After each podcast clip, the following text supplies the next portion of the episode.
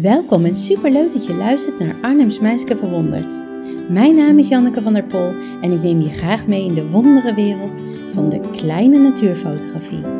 In deze podcast kun je inspiratie, overdenkingen, leuke natuurfotografie-weetjes, interviews en luisterblogs verwachten.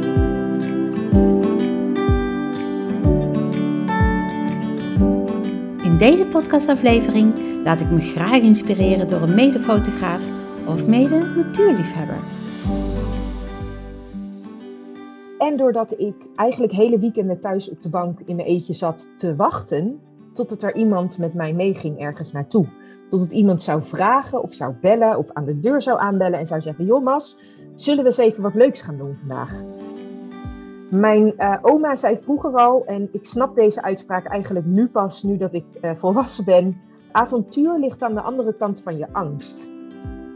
En ik vind dat zo'n ontzettend mooie uitspraak. Nou, en ik zag aan de andere kant wel van het weiland wel 15 koeien staan. Maar ik dacht, nou, koeien is niet zwerg. Koeien zijn alleen nieuwsgierig. Die doen helemaal niks. Welkom luisteraars van deze, van deze podcast. Dit is alweer de, de derde echte aflevering. En uh, we gaan dit keer in gesprek met iemand. Of ik ga in gesprek met iemand. Met niet zomaar iemand, maar met een hele lieve vriendin, Masha van wandeldingen.nl. En ik ga met haar praten over fotografie, over de natuur ingaan, over wandelen in je uppie, wat zij doet en wat ik heel erg stoer vind. Dus blijf gewoon lekker luisteren. Misschien inspireert het gesprek wat ik met haar heb je wel om de komende dagen ook een keer een, uh, een nieuw gebied te gaan verkennen en ook gewoon de stoute schoenen aan te trekken en op pad te gaan. Uh, welkom Masha.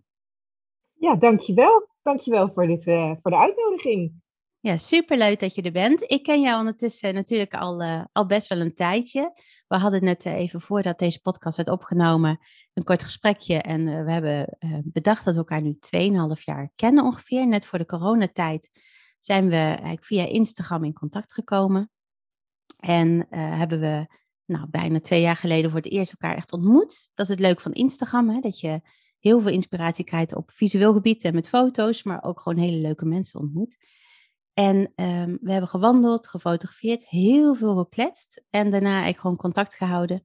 En uh, nou, dat kletsen doen we nog steeds. En uh, heel af en toe een, uh, een, wandeling. Maar we zijn eigenlijk gewoon vriendinnen geworden. En we hebben een paar hele leuke interesses die we delen. Fotograferen. Daarom is ze mede hier. Wandelen. De natuur ingaan. En we zijn allebei in het vak van ondernemen, online ondernemen gedoken. En vrij actief op Instagram. Dat klopt allemaal, hè? Wat ik tot nu toe zo uh, vertel, Masja. Ja, het klopt helemaal. Ja. het is leuk als je dat zo allemaal even op een lijntje zet, op een rijtje zet, hè? Wat, wat onze geschiedenis eigenlijk samen is. Um, ja. Jij bent met, um, op een gegeven moment gestart met wandeldingen.nl. Je hebt een hele mooie website daarbij gemaakt. En uh, waar mensen, uh, heel veel mensen vinden jou ook al. Je hebt ook een hele een nieuwsbrief die volgens mij al heel fijn loopt. Waar je heel veel inspiratie geeft. Je hebt downloads, wandelroutes online staan blogs en een heleboel meer inspiratie. Ja, dat is eigenlijk wel even in een, uh, in een notendop, denk ik, wie jij bent, wie wij zijn en um, ja, waarom ik jou heb uitgenodigd. Want we gaan vandaag het gewoon eens even hebben over wandeldingen in het algemeen en wandeldingen.nl, jouw uh, bedrijf in het bijzonder ook. Nou, ik ken jou uh, al wat langer, dus ik ken jouw verhaal ook een klein beetje. Ik ken het verhaal achter wandeldingen.nl of wandeldingen, mag ik gewoon zeggen, denk ik. Hè?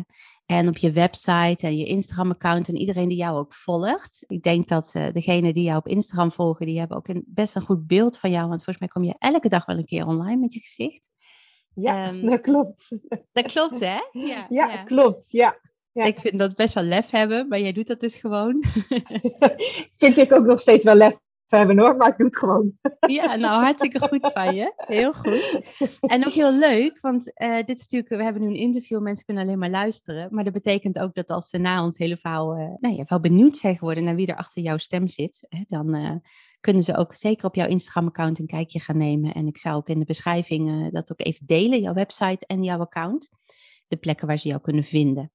Ik ben eigenlijk wel heel benieuwd, want hè, je vertelt heel mooi en openhartig over waarom je graag wandelt tegenwoordig, waarom je dat zoveel doet, hoe het allemaal is ontstaan. Kun je de luisteraars meenemen in, dat, in jouw verhaal en hoe dat allemaal gekomen is waar je nu bent? Ja, ja, dat kan ik zeker. Uh, dat is ook een, een verhaal wat ik eigenlijk heel open en eerlijk altijd uh, uh, gedeeld heb via en social media, maar ook via mijn website. Um, eind 2018 belandde ik in een behoorlijk heftige burn-out. Op het moment dat ik daarin terecht kwam, was het voor mij, vooral voor mij en voor mijn omgeving, helemaal niet duidelijk dat het een burn-out was. Uh, ik had namelijk uh, allerlei lichamelijke klachten, dus mijn zicht ging achteruit. Ik zag niet scherp meer. Ik was elke dag en hele dagen duizelig. dus ik kwam eigenlijk in de medische, medische molen terecht van, god, wat is er nou met mij aan de hand? die medische molen heeft eigenlijk acht maanden geduurd. En in die acht maanden heb ik de gekste uh, testen gehad. Ik heb in een MRI-scan gelegen om te achterhalen of het geen, uh, geen hersentumor zou zijn of, of iets dergelijks. Nou, je, je snapt, uh, het stressniveau steeg alleen maar. Mm. Um, uiteindelijk, wat alles wat lichamelijk het had kunnen zijn, werd uitgesloten. En ja, toen, moest, toen kwam het labeltje burn-out. En dat was vooral voor mijzelf een, een behoorlijke stap, zeg maar, om, uh, om dat te accepteren. Dat ik, iemand die altijd maar door kon gaan met bakken energie, dat ineens niet meer kon. Nee. Dus nou, wat volgde was een, uh, was een intensief traject uh, in de GGZ. Een, een behoorlijk eye-opener voor wie ik nou eigenlijk ben. En een van de eerste dingen die mijn therapeute tegen mij zei was: ga maar lekker lopen, ga maar wandelen. En ik dacht, ga maar wandelen. Ik, ik zag niet scherp. Ik, ik wist niet, ik, nou, waar moest ik gaan wandelen dan? Daarnaast, je gaat toch niet in je eentje wandelen, dacht ik nog.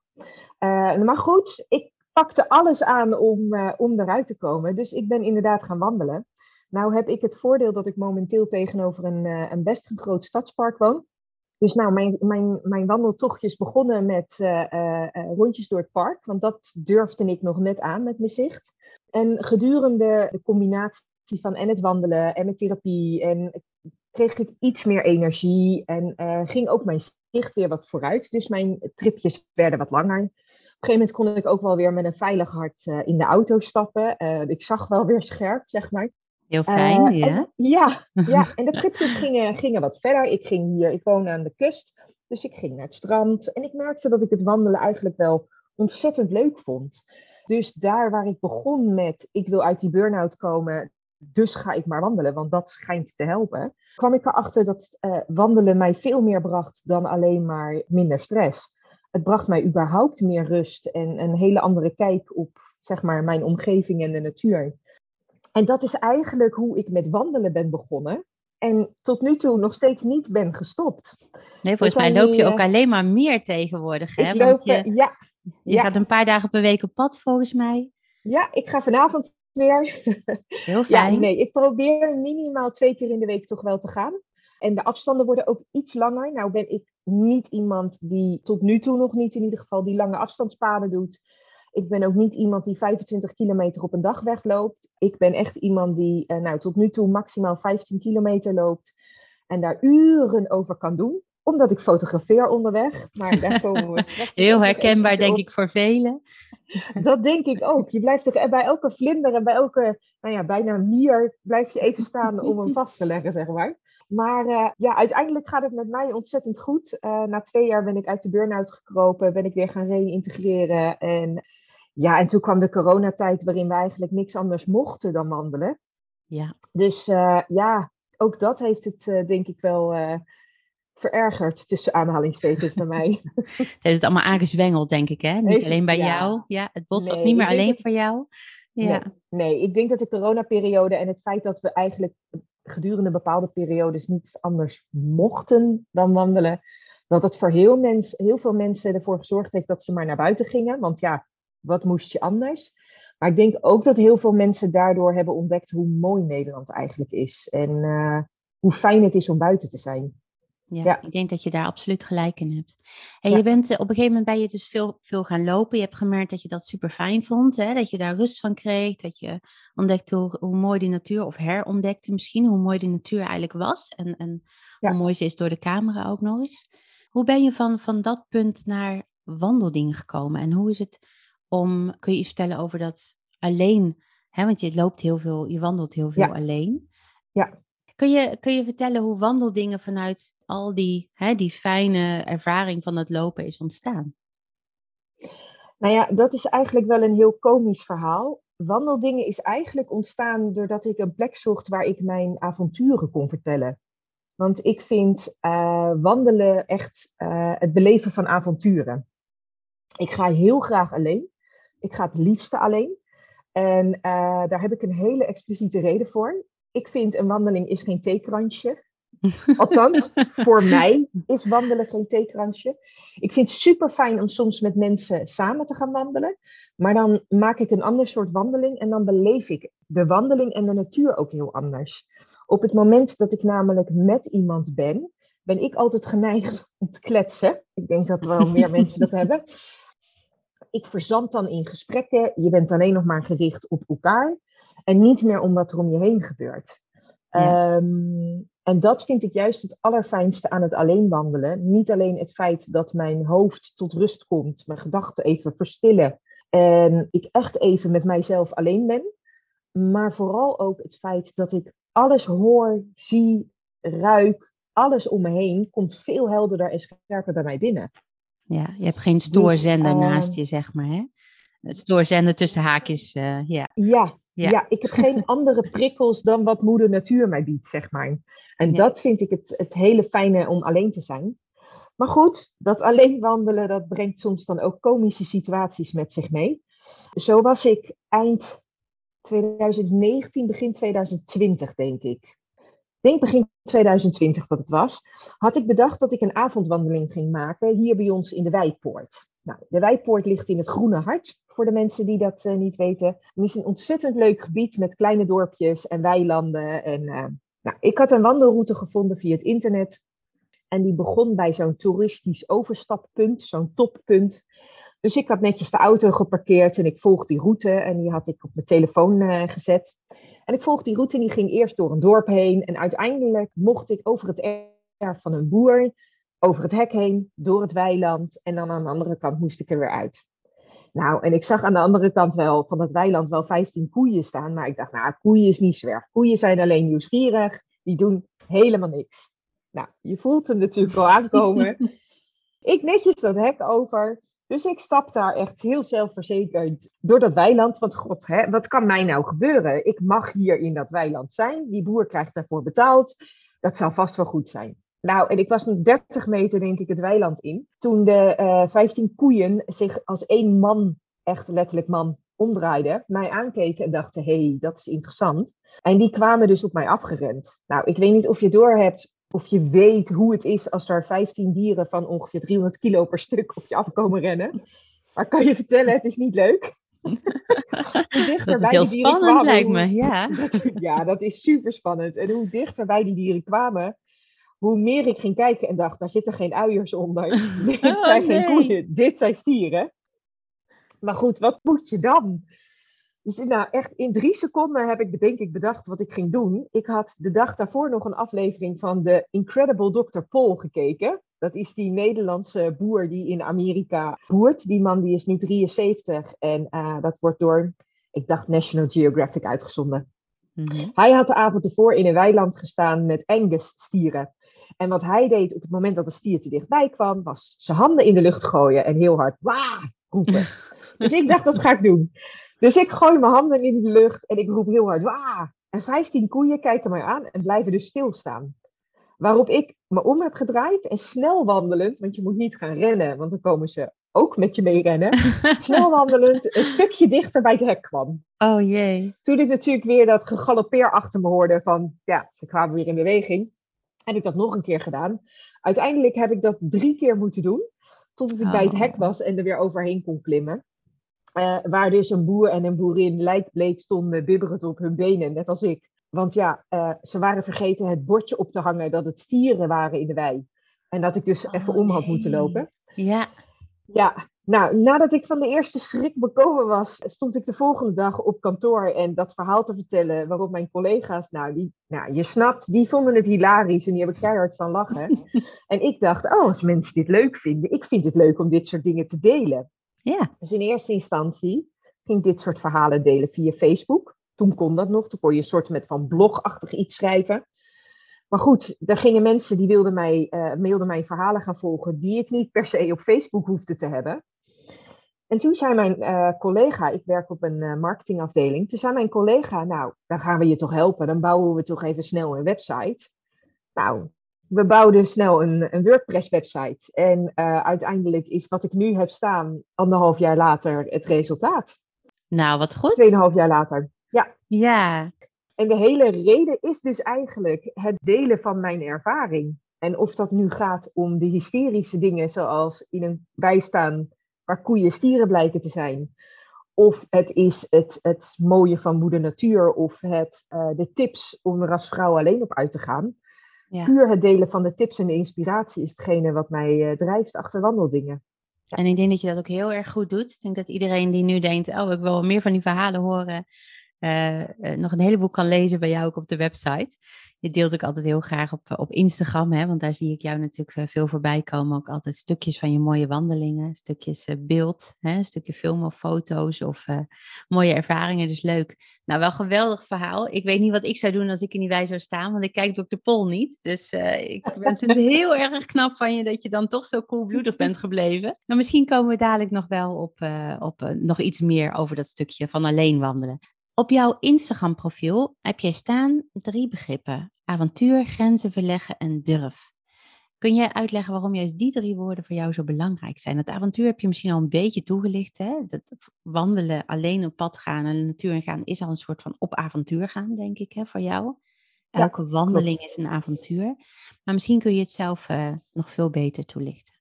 Ja, dit zijn uh, drie termen die ik als je dit twee jaar geleden aan mij had gevraagd, drie jaar geleden, dan had ik deze, deze drie begrippen niet bij mij genoemd, bij mijzelf.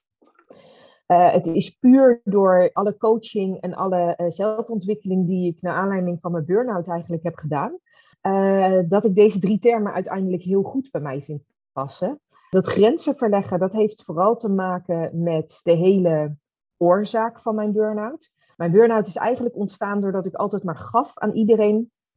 En gaf aan alles. Ik stopte overal energie in. Als iemand iets vroeg, dan, zei ik al ja, voordat ik had nagedacht of het überhaupt kon of paste in mijn agenda. En doordat ik eigenlijk hele weekenden thuis op de bank in mijn eentje zat te wachten, totdat er iemand met mij meeging ergens naartoe.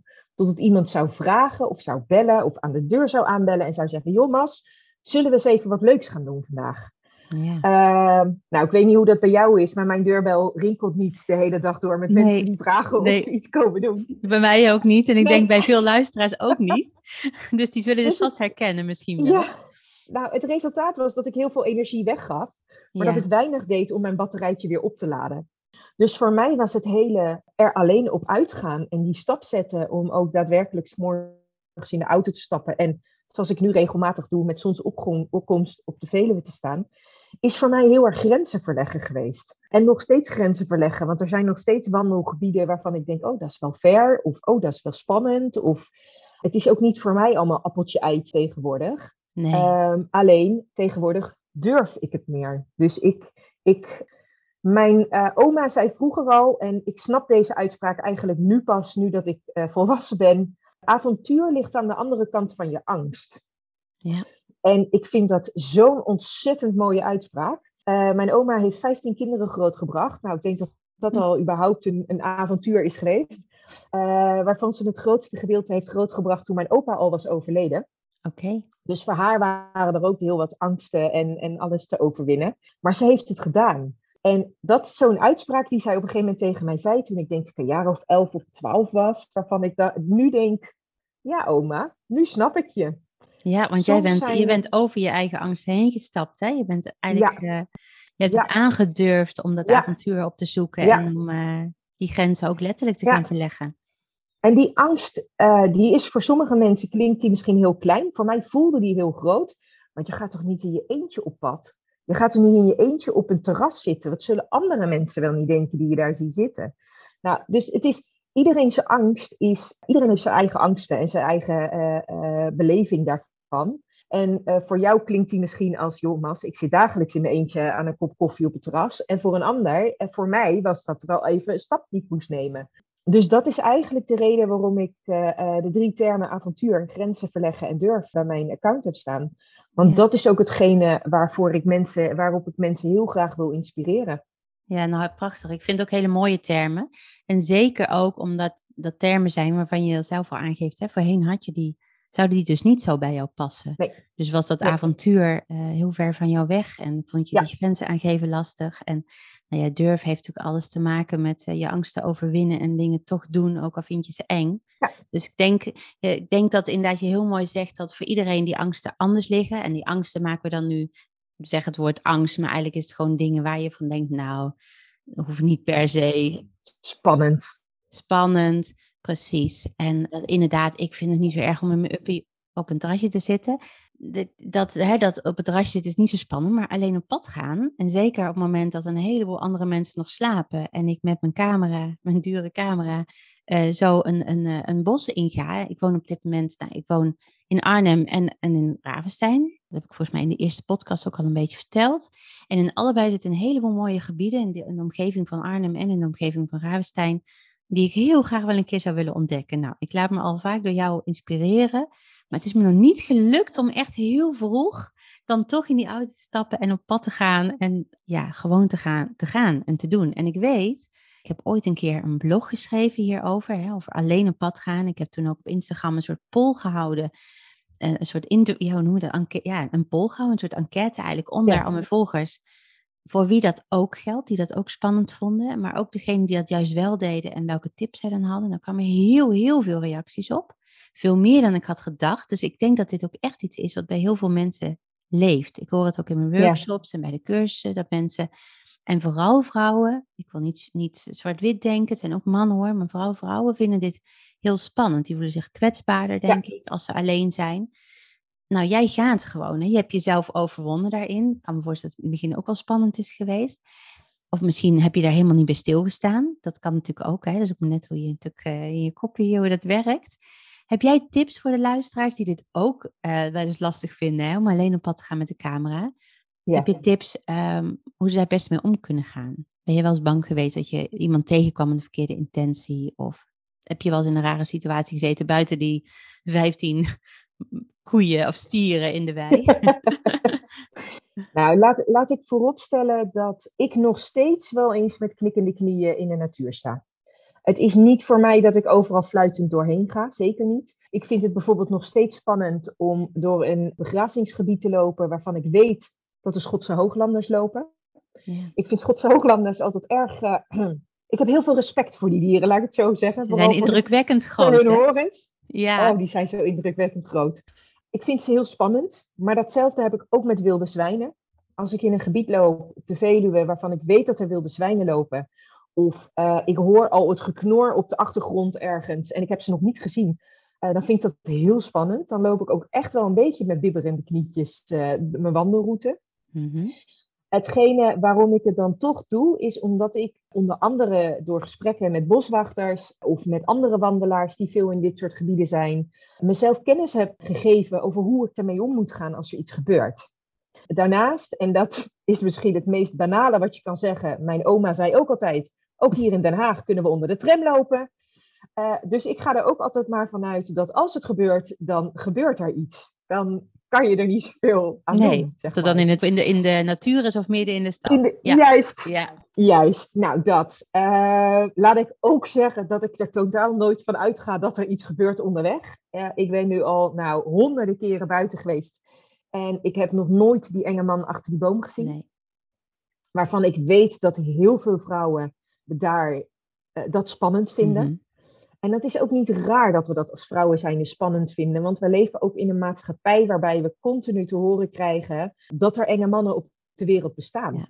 Eh, vrouwen zijn nog steeds het tussen aanhalingstekens zwakkere geslacht, zoals we neer worden gezet. Dus ik snap ook wel dat vrouwen dat nog steeds heel spannend vinden. En het is ook hetgene wat wij van onze moeders hadden, hebben meegekregen.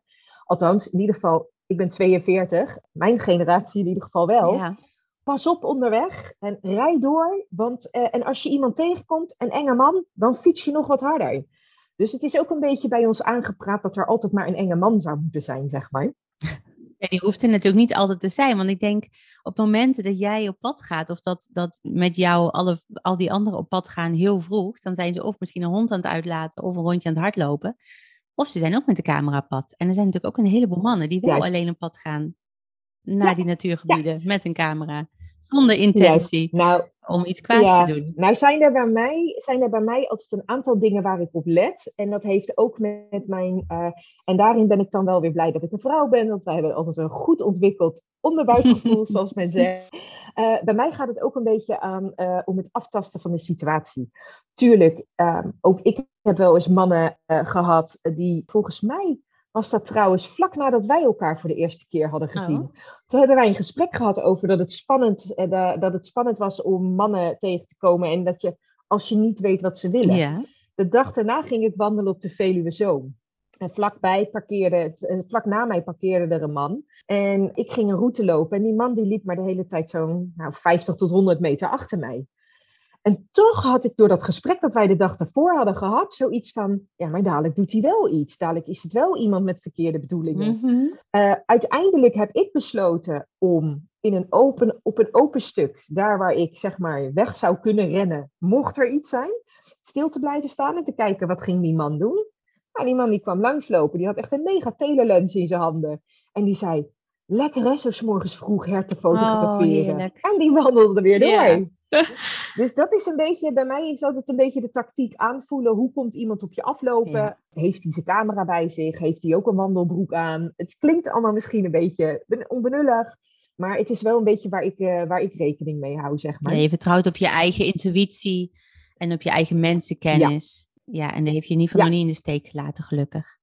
Nee, dat. En ook een beetje rationeel nadenken. Want wanneer heb jij voor het laatst in de krant zien staan dat er iemand is aangevallen op de Veluwe Zoom in het bos, zeg maar. Ja.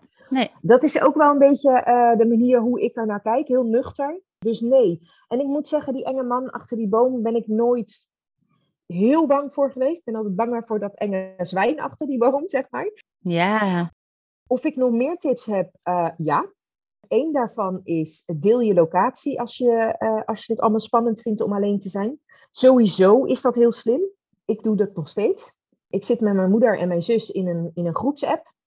En ik deel altijd de locatie waar ik mijn auto heb geparkeerd. Dat is één, voor hun duidelijk in welk natuurgebied ben ik.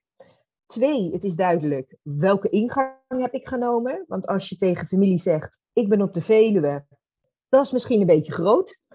Uh, dus mocht er iets gebeuren met mij en mochten ze aan het einde van de dag nog steeds niks terug hebben gehoord en de volgende ochtend ook niet, dan kunnen ze in ieder geval bekijken, oké, waar stond haar auto? Waar staat haar auto, zeg maar. Dus dat is al tip 1. Ja, en dat is vrij eenvoudig, geloof ik. Hè? Je kan in WhatsApp, als je je WhatsApp opent, dan heb je onderin het schermpje of het gedeelte waar je je tekst in uh, inschrijft.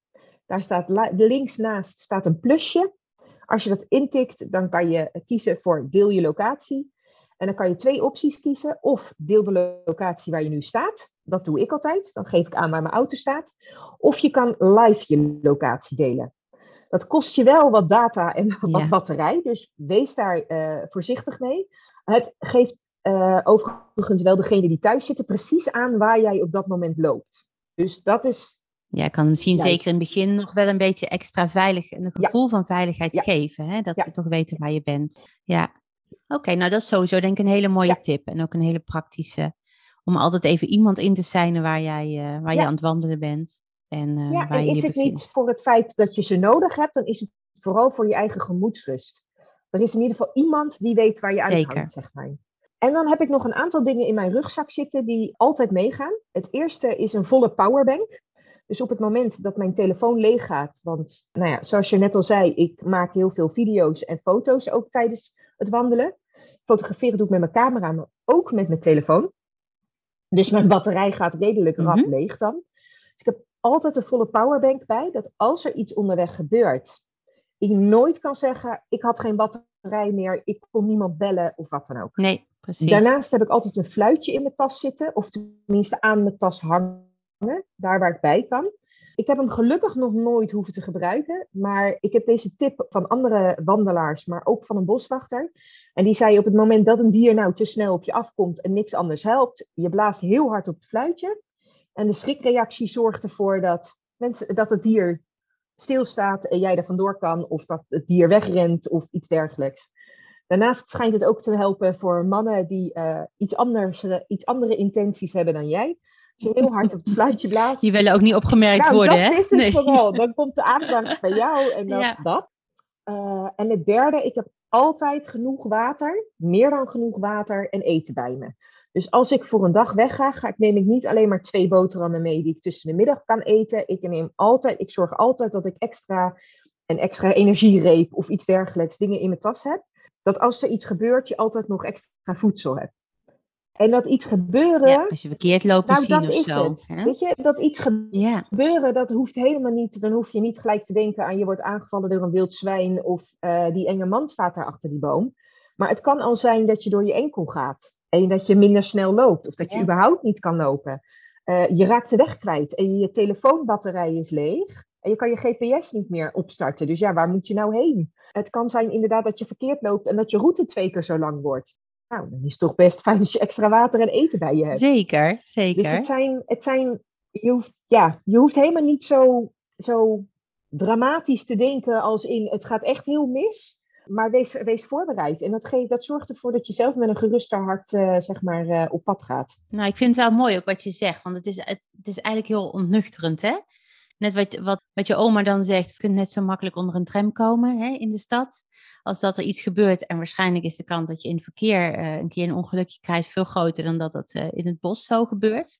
Maar ook dat die angst die denk ik heel veel mensen hebben van ja, maar dan ben je daar in je uppie. En eh, er zijn mensen met verkeerde intenties. Dat het waarschijnlijk veel ja, realistischer is om te denken, oké, misschien loop je verkeerd. Maar als dat zo is, dan kun je erin. Je hebt een goede telefoon hè, met die powerbank, zodat je, als je die hebt opgeladen, kun je weer aan de slag. Eh, je hebt volgens mij ook hele mooie van die GPS-apparaatjes, of hoe heet het? Ja. Daar ben jij misschien meer in thuis. Of dat je inderdaad misschien wel door je enkel gaat, dat je verstuit. Dat zijn denk ik veel realistischere gevaren eigenlijk als je alleen gaat wandelen. En volgens mij hoef je daar ook niet zo heel erg bang voor te zijn. Nee, Eh, want zodra je wat langer wacht in een bos, dan komt er misschien vanzelf wel een keer iemand voorbij die jou helpen. Ik kan me Zeker niet wel. voorstellen dat je helemaal alleen zo'n hele dag in zo'n bos doorbrengt. nee. Eh, en als het is, heb je een telefoon om te bellen. Nou, dat is het. Nederland kent weinig plekken. Dus natuurlijk zijn er plekken in een bos waar de telecomtorens niet goed doordringen. Eh, Mhm. Maar loop een kilometertje verder en je hebt weer je telefoonbereik. Dus als je maar zorgt dat je batterij goed is opgeladen, dan eh, kan je altijd weer iemand bellen. Nou, dat is in ieder geval een hele goede tip. Een powerbank, een fluitje en voldoende eten en drinken bij je. Dan eh, kun je in ieder geval op, eh, op pad, zullen we maar zeggen. Ja. ja, mooi. Mooie tips. Even iets heel praktisch, want eh, mensen die heel graag wandelen en die nu luisteren, wat is de afgelopen jaar, wat is de, de mooiste route? Kun je daar iets van zeggen? Welke route zou je echt kunnen aanraden aan mensen die de natuur ingaan? Je loopt er heel veel, Ja. dus ik kan me voorstellen dat je er misschien ook niet eentje kan bedenken, Nee. maar ehm, misschien kun je er eh, kun je iets noemen wat je, wat jou echt heel mooi, wat je heel mooi vindt? Nou, ik heb geen mooiste route eh, om inderdaad eentje te benoemen. Eh, wat ik zelf hele fijne routes vind om te lopen zijn de wandelroutes van natuurmonumenten. Die zijn vaak Mhm. ook wat korter, dus dan hoef je ook niet gelijk uren weg. Dat zijn routes die je al vanaf nou, 4 kilometer, 5 kilometer, kan je die lopen. Als je door zou lopen, maar ik denk niet dat wij fotografen dat altijd doen, dan zou je hem in een uur af kunnen hebben. We doen er minstens Ehm, twee keer zo lang over. ja, minimaal, ja, ja. Maar wat ik ook zelf hele fijne routes vind, en dat zijn routes in Utrecht en Gelderland, dat zijn klompenpaden. Dat zijn eh, wandelroutes die een beetje langs de rand van boerenpad, boerenerf lopen. Die je een beetje kennis laten maken met ja, de- de- de- het, het, het plattere land van Nederland, laat ik het zo zeggen. En dat zijn routes die heel goed worden aangegeven met bordjes en met, ja, hoe raad je het? Een klomp erop.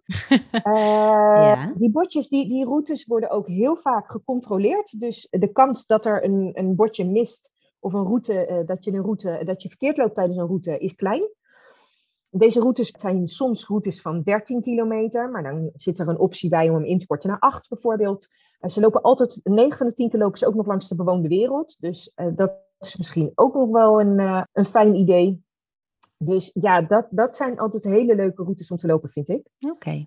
Het liefste loop ik, dit vind ik heel fijn. En anders kun je me altijd wakker maken voor een, goed, een goede boswandeling, zeg maar. Ja.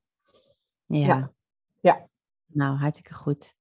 Dan uh, dat is sowieso denk ik inspirerend voor de mensen om eens te kijken als ze willen gaan starten hè, met een wat kortere routes. Is natuurmonumenten een mooie.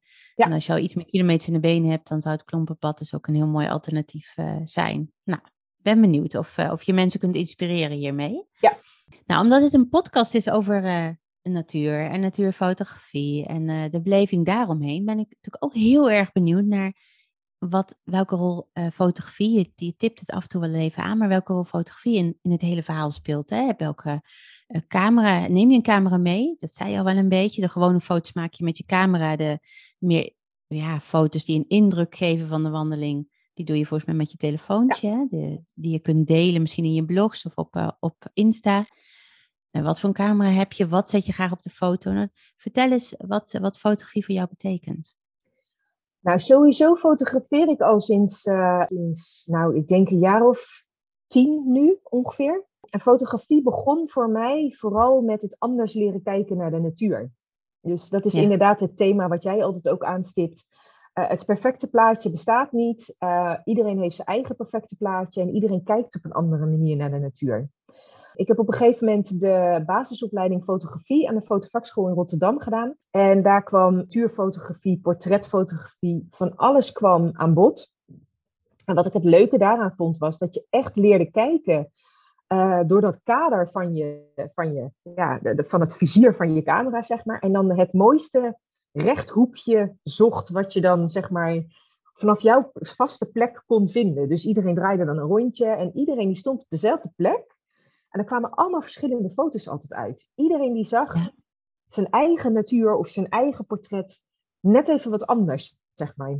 Dus dat is, dat is fotografie heb ik altijd leuk gevonden. Ik ben er ook mee opgegroeid. Uh, mijn vader die heeft ons op een gegeven moment, hij is helaas overleden, heeft ons achtergelaten met 5000 dia's. Oh, wow. Uh, hij fotografeerde altijd. Ja, altijd en alles fotografeerde hij. Hij staat op weinig foto's met ons samen. Af en toe dan uh, moest hij van mijn moeder de camera even afgeven. Maar hij legde alles vast. Dus ik ben er ook echt, uh, echt mee opgegroeid. Ik heb zijn oude camera hier ook nog steeds liggen. En mijn vader vond het ook toen hij nog leefde altijd heel leuk om mijn, mijn, mijn foto's te zien. Dan ging ik niet per se voor de wandeling, maar dan ging ik voor de dingen om te fotograferen. Dus dan ging ik bijvoorbeeld naar de Amsterdamse waterleiding duiden voor, om de herten te fotograferen. Ja. Dan liep ik met mijn uh, twee kilo uh, zware telelens uh, vijf kilometer. En nou ja, voor mensen die er zijn geweest, die weten, je vindt er heel veel herten. Zeker. En wat voor een camera had je dan? Dat was dan denk ik een grote spiegelreflexcamera, als ik het dan zo inschat. Ja, ik heb een spiegelreflexcamera en ik begon met een, een, met een Canon, volgens mij was het de 1100D waar ik mee begon. Mm -hmm. En ik heb nu al een paar jaar de 77D van Canon ik moet zeggen dat er in de toekomst wel even wat anders aan gaat komen, denk ik. Onder andere naar een aanleiding van een aantal gesprekken die ik met jou heb gehad. ik merk nu namelijk dat mijn, mijn, mijn manier van fotograferen is iets veranderd. En mijn doel van naar buiten gaan is veranderd. Ja. Waar ik voorheen naar bijvoorbeeld een kasteeltuin ging en de hele middag op mijn knieën kon liggen met een telelens om dahlia's te fotograferen, ik noem maar iets. Ga ik nu echt voor de wandeling en leg ik de, de natuur om me heen vast.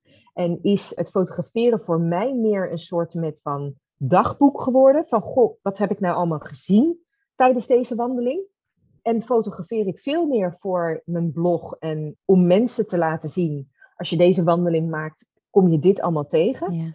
En merk ik dat een telelens meeslepen van 2, van twee, van twee kilo, dat, dat, is, dat, doe je, dat doe ik niet zo snel meer. Maar ik mis het wel, want dan sta ik daar in dat bos en dan zie ik dat edelhert. En dan sta ik daar met mijn lensje die maar tot uh, 100 mm kan inzoomen, zeg maar. Ja, dat werkt niet, nee. zeg maar. Dus ik ben me aan het oriënteren op een camera die alles in één heeft meer, zeg maar. Dus waarbij ik dichtbij en ver weg uh, wat beter in één keer kan fotograferen. Waarbij ik dus geen lenswissels hoef te doen en dat soort dingen. Ja. Het, het is, voor mij is mijn camera ook niet... Ik hoorde jou net zeggen, dan ga je naar een natuurgebied met een dure camera. Um, ik snap dat heel veel mensen dat denken. Voor mij is mijn camera hetzelfde als mijn wandelschoenen, zeg maar. Ik neem het mee. Ik heb ook nooit mijn camera aan een, aan een, aan een riem hangen of iets dergelijks. Ik heb hem altijd los in de hand. Kan nog een keer gebeuren dat hij ergens heen vliegt, denk ik. Uh, maar ik, ben, ik heb ervoor gezorgd dat hij gewoon goed verzekerd is. Dat als er iets onderweg gebeurt, dat ik geld terugkrijg en een, een, een ander kan kopen. Dat is voor jou niet iets waar jij je druk om hoeft te maken. Nee, nee, het is voor mij een, een, een gebruiksvoorwerp wat bij mijn werk hoort, wat bij het wandelen hoort. Betekent dat dat ik daarmee in een plensbui ga lopen? Nee, dat doe ik ook niet. Ik ben er echt wel voorzichtig mee.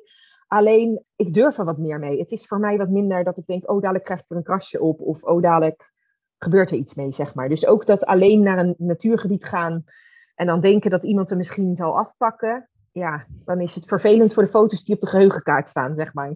Dat. Ja, ik denk, ik herken wel heel erg wat je zegt hoor. En ik weet niet hoe dat met de luisteraars zit, maar voor mij werkt dat ook echt zo. Ik ben heel, uh, die camera die, die staat in dienst van mij. Ja. En uh, dat is inderdaad echt een gebruiksvoorwerp. Die gaat mee, ook goed verzekerd aan deze kant uiteraard. En uh, het is jammer als, als dat je zou gaan tegenhouden, hè, om, ja, zeker. om dan inderdaad op pad te gaan. Ja de kans dat je iemand tegenkomt die die camera van je af wil pakken midden in het bos of midden in een mooi natuurgebied is al niet zo heel erg groot, denk ik. Nee. En daar kan inderdaad een, een goede verzekering uh, al een heleboel rust in, uh, in brengen. Ja, dat denk ik ook. Zeker. Ja. Wat zet je het allerliefst op de foto, Masja? Ja, als je diep in mijn hart kijkt, dan zet ik nog steeds het allerliefste op de foto een ontmoeting met een wild dier, wat gewoon niet zo heel vaak voorkomt. Op dit moment. Volgens mij staat de, de wolf, de wolf heel hoog, bij mij op mijn lijstje. Ja, ja. ja, die zou ik toch echt nog wel een keertje de velen weer tegen willen komen. Ook al uh, denk ik dat ik ook dan met knikkende knietjes sta. Zeker. Maar ook edelherten, wilde zwijnen, dat soort dingen, dat blijven ja, een soort met van overwinningen als je daarmee thuis komt, zeg maar, met zo'n foto. Maar ook, uh, onlangs ben ik in Drenthe geweest, heb ik een weekje gewandeld, ben ik echt zes dagen elke dag op pad geweest. De mooiste gebieden van Noord-Drenthe ontdekt. En ook dan vind ik het fantastisch om gewoon vast te kunnen leggen wat ik op dat moment zie.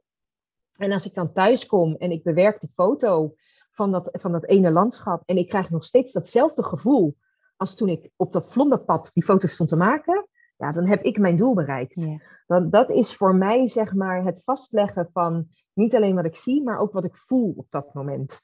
Dat je beleeft, hè? Beleving echt, speelt daar denk ik een hele grote rol in. Ja, ja foto's, eh, fotograferen is voor mij echt het vastleggen uh, van een herinnering van een beleving. Van, het is even dat geheugensteuntje. Dat als je er naar kijkt, dat je denkt, oh ja, dat was toen en toen. Nou, volgens mij heb je ook al een heel mooie verzameling van dat soort herinneringen, denk ik. Uh, veel nostalgie in jouw foto's. Waarschijnlijk als je daar in de winter een keer doorheen uh, scrolt. Um, ik wil langzaam uh, een beetje gaan afronden. We hebben al heel veel besproken. Ik heb totaal de tijd niet bijgehouden, dus ik ben ook heel benieuwd hoe lang deze podcast straks gaat worden. Um, maar voor alle luisteraars die nu op dit moment nog steeds aan het luisteren zijn, dat is sowieso natuurlijk heel erg leuk. Um, wil ik het uh, even een bruggetje slaan naar de volgende podcast, uh, waar je weer alleen maar naar mij kan luisteren. En dan wil ik het gaan hebben over serendipity, serendipiteit in het Nederlands.